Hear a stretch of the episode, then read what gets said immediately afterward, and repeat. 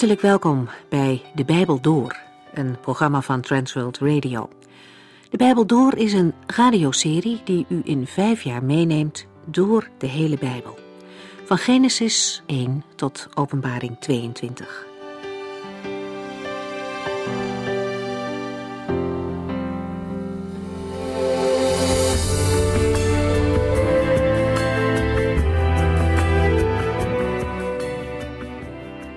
We zijn aangekomen in 1 Timotheus. De vorige aflevering gaf u al een algemene inleiding over dit Bijbelboek en we zijn uitgebreid ingegaan op de eerste twee versen van hoofdstuk 1. Na een korte terugblik lezen we vandaag vers 3 tot en met 7. In de inleiding legt de apostel Paulus nadruk op zijn apostelschap. Hoewel hij een hechte band met Timotheus had en hem zelfs zijn geestelijke zoon noemt, vindt de apostel het nodig deze brief te beginnen met een duidelijk statement dat hij een gevolmachte van Christus is, in opdracht van God. Wat hij in deze brief zegt is niet zomaar iets.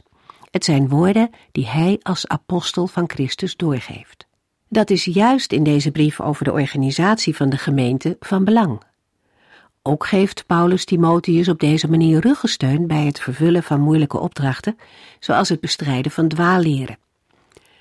We hebben de vorige keer ook gekeken naar wie Timotheus was. Zijn naam is een samenvoeging van twee Griekse woorden. En die woorden betekenen geëerd door God of hij die God eert. Het is een naam die bij hem past. Timotheus was kostbaar voor God, maar op zijn beurt eerde deze jonge man ook de Here in zijn leven. Overigens stond Timotheus niet alleen bij God, maar ook bij mensen goed bekend. Dat lezen we in Handelingen 16. Zijn vader was een Griek. Zijn grootmoeder, Lois, en zijn moeder, Eunice, waren ook gelovigen. Timotheus woonde in Lystra, de stad waar Paulus op een van zijn zendingsreizen werd gestenigd. Na zijn bekering werd Timotheus een waardevolle en betrouwbare medewerker van de apostel.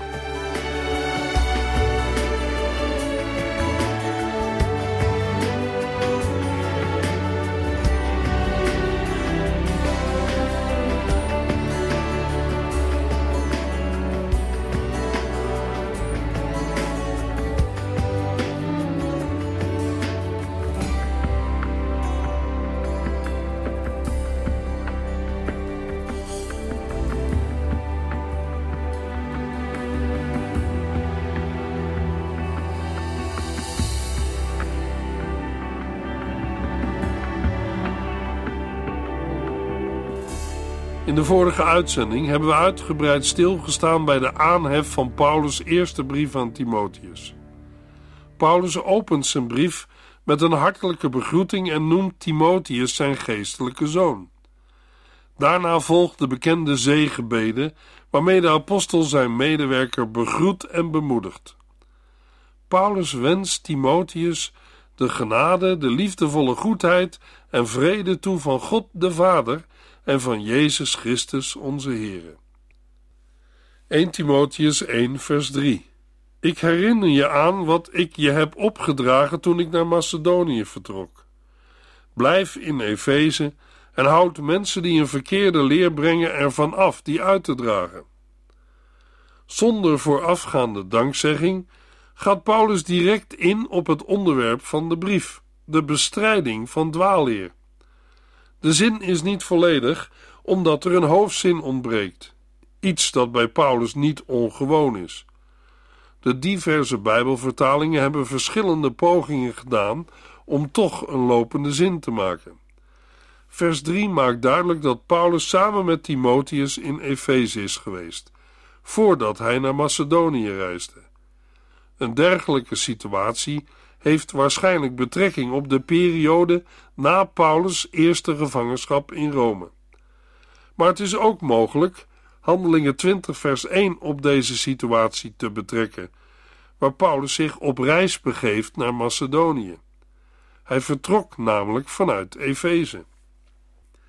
Timotheus moet optreden tegen degene die een andere leer brengen of het evangelie verdraaien. Hij moet hun zelfs met gezag ervan afhouden de verkeerde leer uit te dragen. Uit de Griekse tekst wordt duidelijk dat het aantal dwaalleraars niet zo groot was. Paulus noemt in de brief geen namen om de brief niet te confronterend te maken, voor het geval deze in het openbaar zou worden voorgelezen. De dwaalleraars die in vers 20 worden genoemd, waren al uit de gemeente gezet en zullen niet tot de enkele of sommige behoren waarover de Griekse tekst spreekt. Al in Handelingen 20 had de apostel gewaarschuwd tegen mensen die in Efeze een verkeerde leer brachten.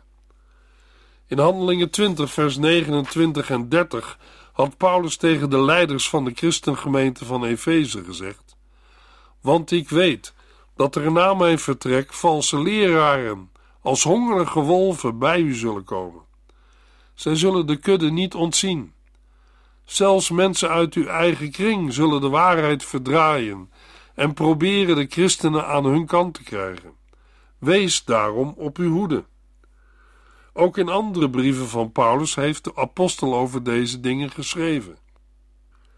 In Gelaten 1, vers 6 tot en met 8 schrijft Paulus: Het verbaast me dat u God, die u in zijn genade geroepen heeft door Jezus Christus, zo vlug de rug hebt toegekeerd en een ander evangelie gelooft dat helemaal geen evangelie is. U bent van de wijs gebracht door bepaalde personen die een verkeerd beeld van Christus geven. Als iemand iets anders verkondigt dan het goede nieuws dat u van mij gehoord hebt, moet u hem uit de weg gaan als een vervloekte, zelfs al zou ik het zijn of een engel uit de hemel. Timotheus krijgt de instructies van Paulus.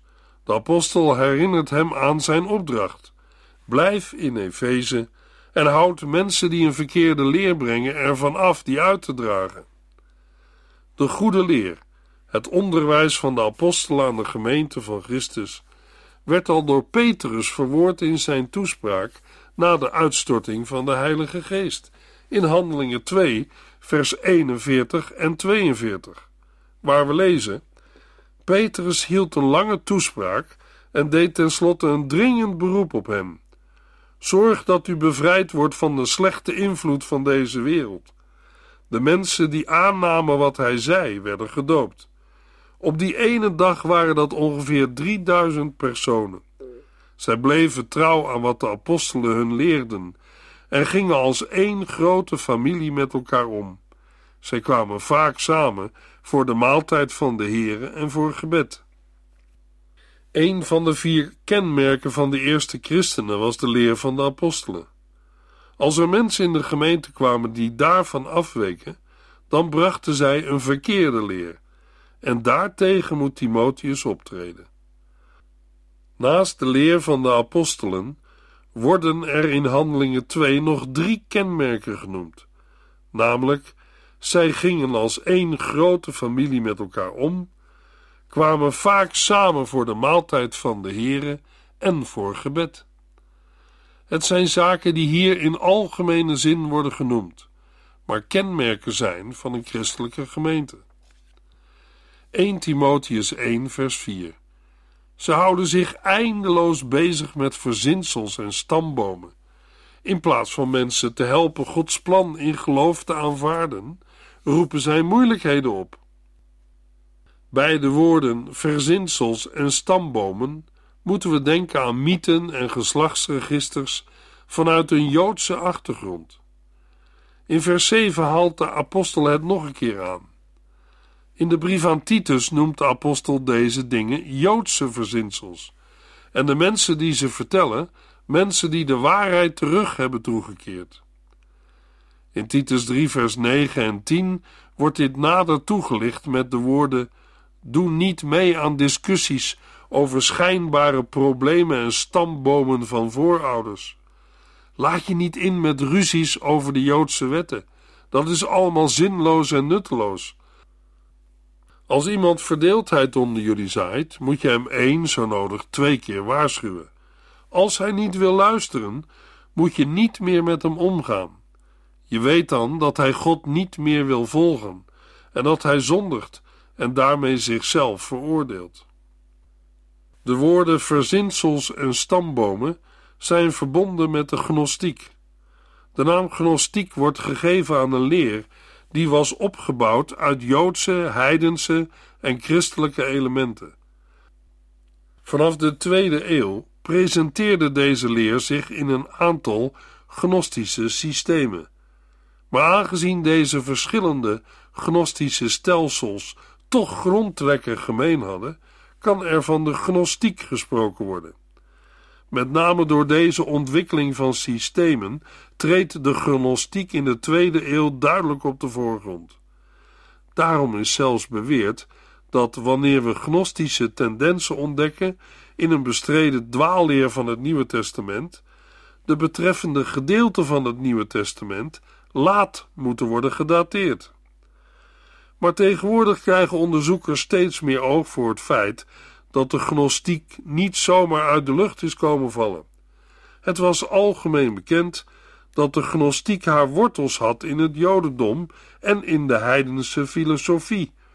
Maar er was te weinig oog voor het feit dat in het Griekse Jodendom allerlei gnostische gedachten al voor het begin van onze jaartelling aanwezig waren en leefden.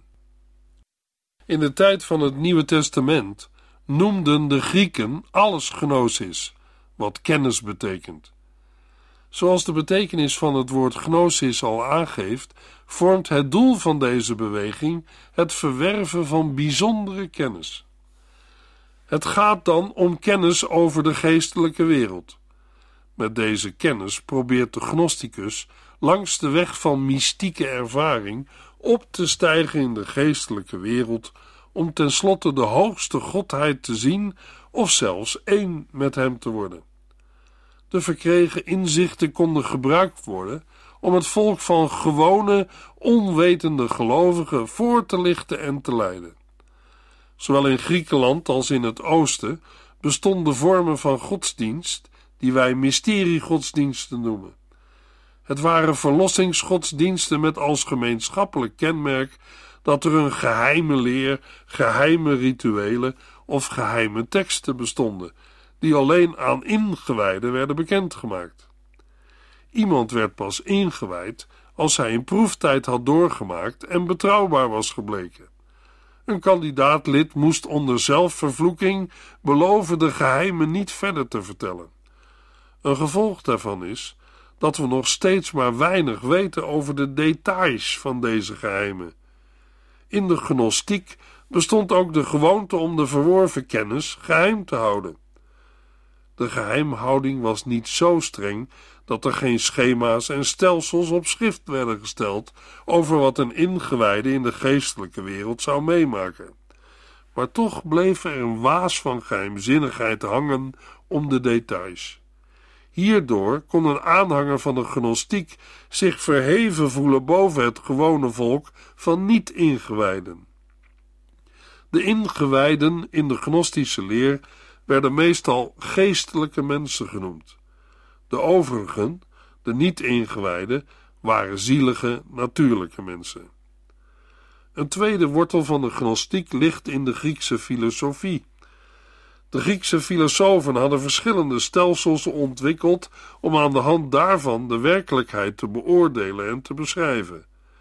De ideeënleer van Plato heeft waarschijnlijk de grootste invloed gehad op de gnostiek. Volgens de leer van Plato zou de wereld waarin wij leven niet de echte zijn, maar niet meer dan een schaduw van de werkelijke wereld, de wereld van de ideeën. Van elk voorwerp van elk levend wezen of van elk begrip bestaat een volmaakt voorbeeld, idee geheten, in een andere wereld. Wij zien niet meer dan afschaduwingen van de echte zaken. Om kennis te verkrijgen van de werkelijkheid moet een mens op een mystieke manier de wereld van de volmaakte ideeën leren zien. Langs de weg van mystieke ervaringen en kennis moet de ziel de weg terugvinden naar God. Het Jodendom buiten Israël, in de verstrooiing of diaspora, had zich in sommige opzichten aangepast aan de heidense leefwereld.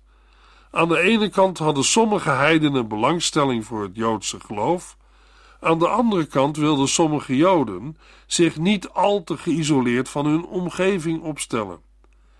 De vertaling van het Oude Testament in het Grieks, de zogenaamde Septuaginta, vergemakkelijkte de verspreiding van het Joodse geloof in de heidense wereld.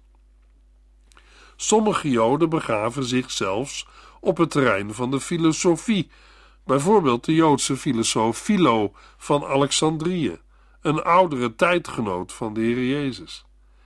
Philo wilde vasthouden aan het bestaan van niet meer dan één God. Daarom verving hij de lagere goden van Plato door engelen.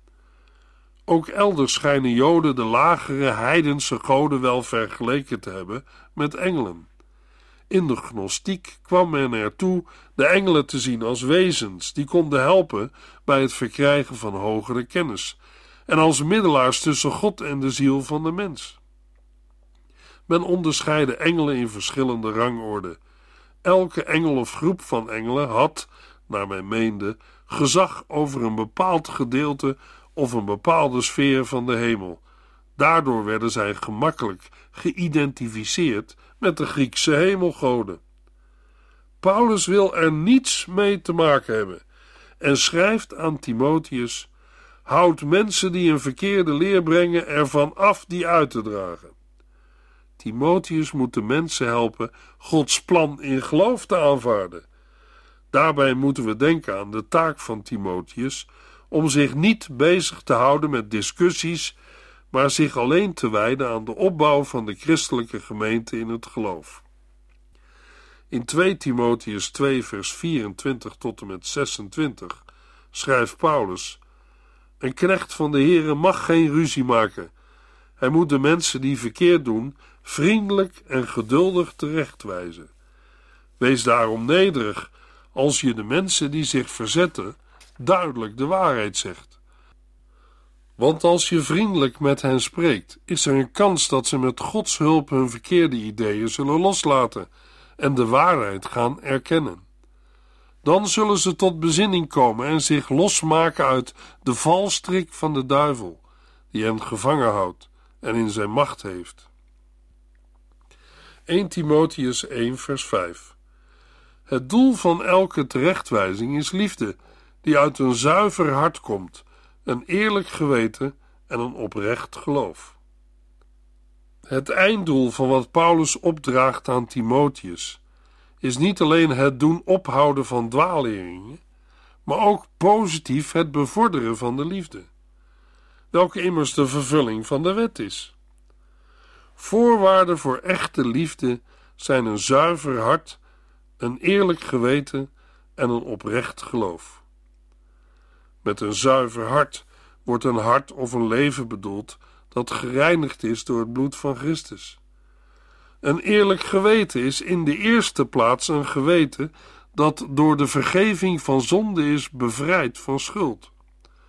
Vervolgens zal de gelovige naar de stem van zijn geweten luisteren om goed en kwaad te onderscheiden. Op zichzelf is het geweten niet onfeilbaar. Het kan ongevoelig, maar ook overgevoelig zijn. Het betekent dat ons geweten geïnspireerd moet worden door de Heilige Geest. Pas dan wordt het een goede toetssteen voor het praktische handelen. Een oprecht geloof maakt duidelijk dat echte liefde pas daar ontstaat waar iemand werkelijk door het geloof met de bron van alle liefde, Jezus Christus, is verbonden. 1 Timotheus 1 vers 6 Deze valse leraren zijn het spoor bijster en verknoeien hun tijd met zinloos gepraat. Uit de woorden vals en zij zijn het spoor bijster blijkt dat de dwaalleraars afgeweken zijn, zowel van het oprechte geloof als van het eerlijke geweten en een zuiver hart. Bij hen kan er dan ook geen sprake meer zijn van echte liefde. In 2 Timotheus 2 vers 18 schrijft Paulus over de valse leraren: zij zijn het spoor van de waarheid kwijtgeraakt en beweren dat de opstanding van de doden al heeft plaatsgevonden. Daarmee ondermijnen zij het geloof van sommigen. Het Griekse woord voor het spoorbijster zijn betekent letterlijk het doel missen. Bij het missen van het werkelijke doel eindigt de mens in leeg en zinloos gepraat. De inhoud van dit leeg gepraat zijn de verzinsels en stambomen of geslachtsregisters uit vers 4. 1 Timotheus 1 vers 7 Zij zouden graag uitleggers van de Joodse wetten willen worden, maar ze weten niet waar ze het over hebben en begrijpen niets van wat ze met stelligheid beweren. Uit de woorden zij zouden graag uitleggers van de Joodse wetten willen worden, blijkt niet alleen de Joodse achtergrond van de valse leraren, maar ook hun zelfingenomenheid. Zij waren trots op hun kennis en matigden zich de titel aan uitlegger van de Joodse wetten of wetsleraar. In de praktijk konden ze door hun aandacht voor de verzinsels en stambomen niet eens recht doen aan de uitleg van het Oude Testament. En evenmin waren ze door hun nadruk op de wetsvoorschriften in staat het evangelie werkelijk te begrijpen. In 1 Timotheus 4 vers 1 tot en met 6 gaat de apostel nog wat dieper in op onder andere de Joodse voedselwetten. Maar de Heilige Geest zegt ons heel duidelijk dat er een tijd zal komen waarin sommigen in de gemeente zich van Christus afwenden en leraren gaan volgen die zich door de duivel laten leiden. Deze schijnheilige leraren vertellen leugens en hebben hun eigen geweten het zwijgen opgelegd. Zij zullen zeggen dat het niet goed is om te trouwen en dat je bepaalde dingen niet moet eten, zelfs al heeft God deze dingen gegeven opdat goed onderwezen christenen er dankbaar van zullen genieten. Want alles wat God gemaakt heeft, is goed. Wij mogen het gerust eten, als we er maar dankbaar voor zijn. Omdat God gezegd heeft dat het goed is, en omdat wij Hem vragen het te zegenen, is alle voedsel aanvaardbaar. Als je dit zo aan anderen uitlegt, doe je je plicht als dienaar van Jezus Christus. Daaruit zal blijken dat je gevoed wordt door het geloof en door het goede onderwijs dat je hebt genoten. Op zichzelf genomen is kennis van het Oude Testament natuurlijk belangrijk. Dat wordt in vers 8 bevestigd en lezen we ook in 2 Timotheus 3. In 2 Timotheus 3, vers 15 tot en met 17 schrijft Paulus aan Timotheus: Jij hebt van jongs af aan geleerd wat er in de boeken staat die je inzicht geven hoe je gered kunt worden door het geloof in Christus Jezus. Alles in de boeken is door God geïnspireerd en is nuttig om ons de waarheid te leren en ons te wijzen op wat er aan ons leven en geloof nog mankeert. Het zet ons leven op orde en helpt ons in te zien wat juist en goed is. Zo maakt God ons klaar, opdat Hij ons voor elk goed werk kan gebruiken. 1 Timotheus 1 vers 8. Die wetten zijn goed als ze worden toegepast op de manier zoals God het bedoeld heeft. De Griekse tekst maakt duidelijk dat apostel Paulus met een woordspeling zegt dat de wetten van de Heer op zichzelf goed zijn als ze ook wettig worden toegepast. Paulus schreef het al eerder aan de christenen in Rome, in Romeinen 7 vers 12 maar op Gods wet zelf is niets aan te merken. Wat die wet van ons eist, is zuiver, rechtvaardig en goed. En in Romeinen 7, vers 12 zegt Paulus over zichzelf: Ik doe dus wat ik niet wil, en daaruit blijkt dat ik het met de wet eens ben en dat ik die juist vind. Aan de andere kant weet de apostel dat hij de wet van God niet kan volbrengen. In het vervolg van Romeinen 7 zegt hij: Ik weet dat ik door en door slecht ben, tenminste wat mijn oude natuur betreft. Ik kan het goede niet doen. Ik wil het wel, maar ik kan het niet. Hoewel ik het goede wil, doe ik het niet. In plaats daarvan doe ik het slechte, en dat wil ik nu juist niet. In Romeinen 7, vers 22 en de volgende verse zegt Paulus: In mijn diepste wezen wil ik heel graag doen wat Gods wet van mij vraagt. Maar ik zie dat mijn doen en laten daarmee volledig in tegenspraak is. De apostel concludeert: Wat ben ik er ellendig aan toe? Wie zal mij verlossen uit deze vreselijke macht van de dood? Ik dank God dat er een uitweg is door Jezus Christus onze Heer. Het probleem is dat deze zogenaamde wetsleraars de wet willen gebruiken waar het niet nodig is, namelijk met betrekking tot allerlei futiliteiten en speculaties. Hun leer is in strijd met de genade die God door Christus Jezus heeft gegeven aan een ieder die gelooft. Ik wil deze uitzending besluiten met een gedeelte uit de brief aan de Gelaten. Paulus schrijft in Gelaten 2, vers 16 en 17: Maar wij weten dat niemand door God als rechtvaardig beschouwd kan worden door zich aan de Joodse wetten te houden. Dat kan wel door in Jezus Christus te geloven. Ook wij konden door ons geloof in Christus Jezus met God in het reinen komen en niet door de wet te houden. Het is uitgesloten dat iemand het met God in orde kan maken door de wet te gehoorzamen. Dat wij door ons geloof in Christus rechtvaardig voor God proberen te worden, betekent dat wij zelf ook mensen zijn die zich niet aan de Joodse wet houden. Aan het slot van Gelaten 2 schrijft de apostel in vers 19 tot en met 21: Door die wet zelf leef ik nu niet meer voor de wet, maar voor God. Ik ben samen met Christus aan het kruis gestorven. Daarom leef ik zelf niet meer, maar Christus leeft in mij. Zolang ik nog in dit lichaam ben, leef ik door het geloof in de Zoon van God. Hij hield zoveel van mij dat hij zijn leven voor mij heeft gegeven. Wat God in zijn genade heeft gedaan, wil ik niet onderschatten. Want als wij het met God in orde konden maken door de Joodse wet te houden, zou Christus voor niets gestorven zijn. Luisteraar, ook u kunt het met God in orde maken door in Jezus Christus te geloven. Hij heeft zijn leven ook voor u en jou gegeven.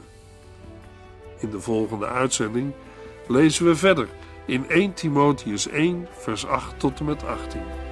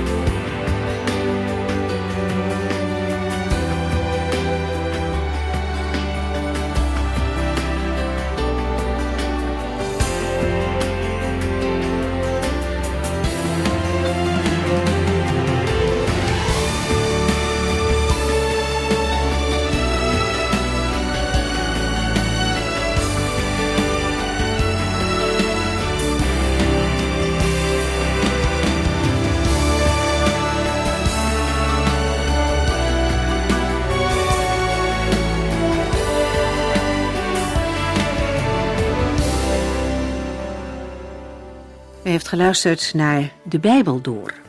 In het Nederlands vertaald en bewerkt door Transworld Radio. Een programma waarin we in vijf jaar tijd de hele Bijbel doorgaan. Als u wilt reageren op deze uitzending of u heeft vragen, dan kunt u contact met ons opnemen. Tijdens kantooruren kunt u bellen op 0342 47 8432. 0342 47 8432. 32. Ook kunt u een e-mail sturen naar de Bijbel door transworldradio.nl en natuurlijk kunt u ook via de post ons bereiken.